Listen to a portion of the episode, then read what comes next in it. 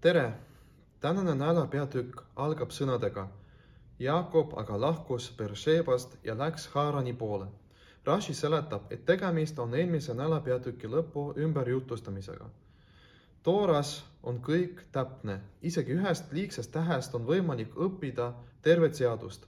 seda enam terve teema, mida korratakse mitu korda, on juhis järgmistele põlvkondadele, igal ajal ja igal pool, ka tänapäeval kuna Toora on igavene.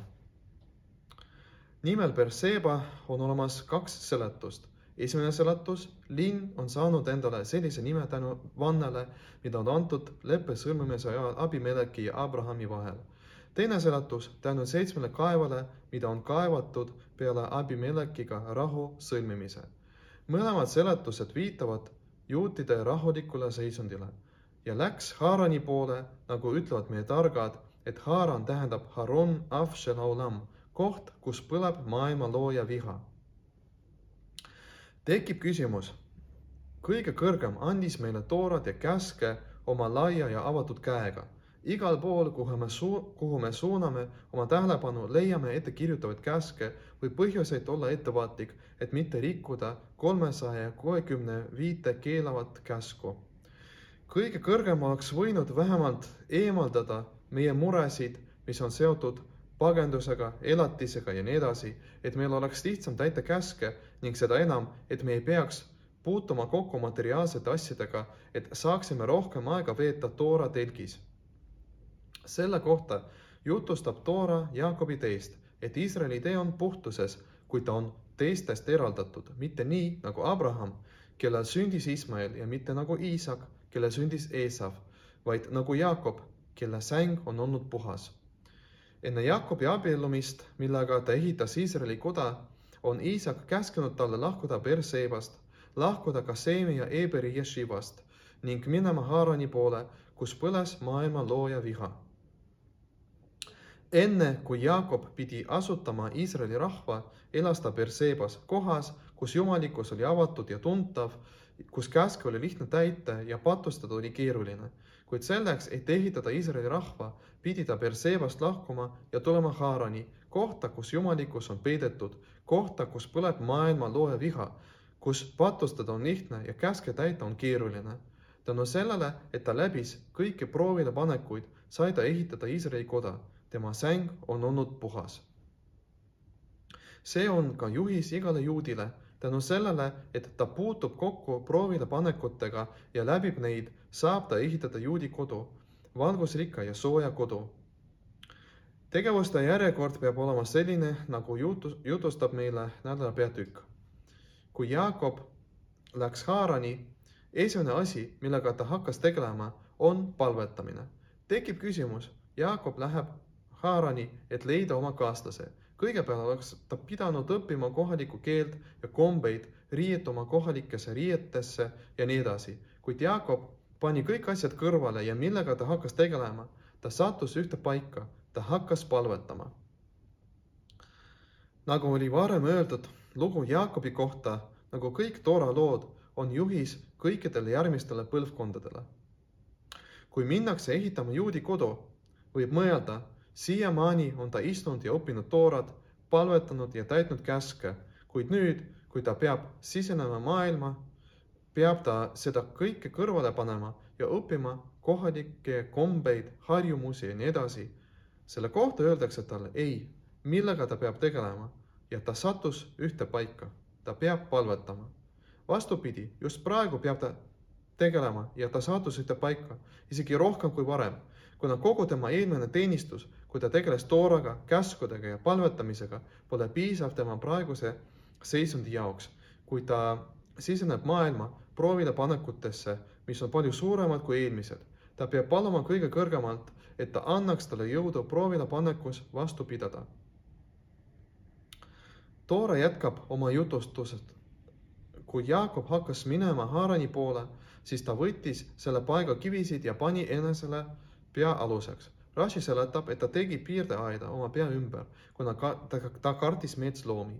Jaakob teadis, kuhu ta läheb ning isegi, isegi tee peal, kui ta pole veel saabunud Haarani, võib ta kohtuda metsloomi. selle tõttu võttis ta kivisid ja pani neid oma pea ümber, et, et metsloomadest ennast kaitsta. jääb arusaamatuks, miks Jaakob pani kivisid ainult pea ja mitte ülejäänud keha ümber.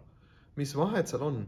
kui ta oleks lootnud kõige kõrgemale, siis poleks ta pidanud ka oma pea, pead kaitsma. ja kui ta ei soovinud loota asjadele, mis on looduse seadustest kõrgemad, oleks ta pidanud kaitsma tervet keha. sellest saab aru tänu salmile. sa sööd siis oma käte vaevast, sa oled õnnis ja su käsi käib hästi. salm täpsustab, et sa sööd just oma käte vaevast.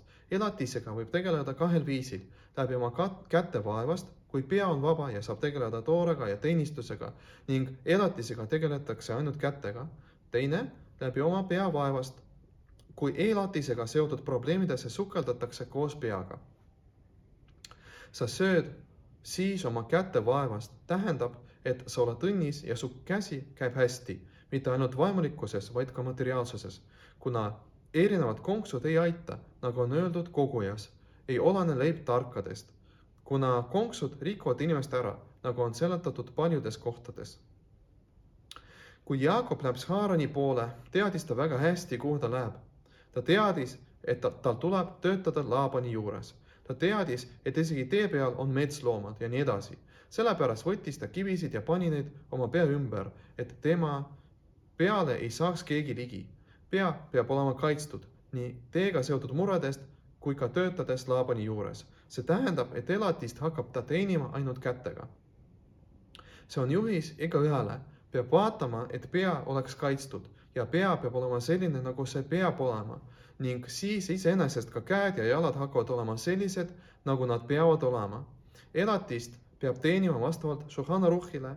käed peavad olema sellised, et ainult vasak käsi lükkab eemale, kuid parem käsi peab tõmbama ligi ning jalad peavad jooksma käske täitma.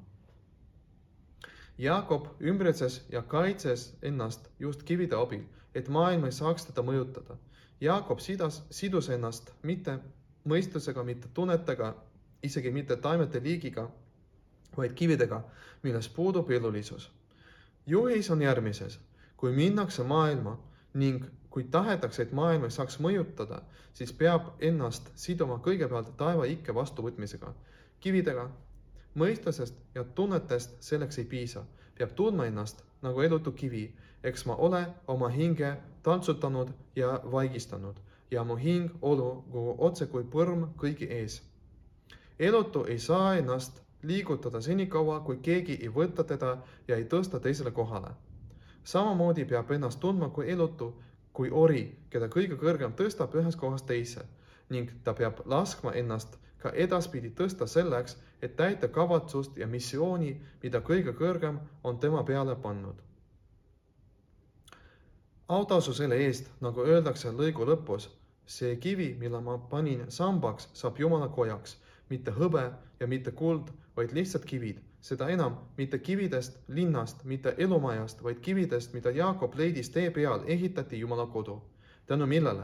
tänu sellele, et Jaakob ümbritses ennast kividega ning tänu sellele, et ta sidus ennast kõige kõrgemaga tõotusega, mille mõte seisneb selles, et vastavalt oma tahtele, arusaamale ja tunnetele poleks ta seda teinud, kuid tõotus sunnib teda ning tänu sellele jõuab ta kõige kõrgemale ülestõusmisele ning kõige lihtsamatest asjadest saab Jumala kodu. see on juhis igaühele, eriliselt nendele, kes plaanivad ehitada uus juudi kodu, peigmehele ja pruudile, et mitte ainult palveraamat ja humaš, mis asuvad kodus, on pühad vaid ka kahvel ja lusikas peavad olema pühad. tänu millele? Tänu sellele, et alus on ja ta sattus ühte paika, et mitte ainult ärkvel oleku ja palvetamise, vaid ka magamise ajal, seal, kus praegu asutakse, hakkab olema taevavärav. siis muutub kodu ja kõik, mis selle sees on, Jumala koduks. Shabbat shalom ja meeldivat toora õppimist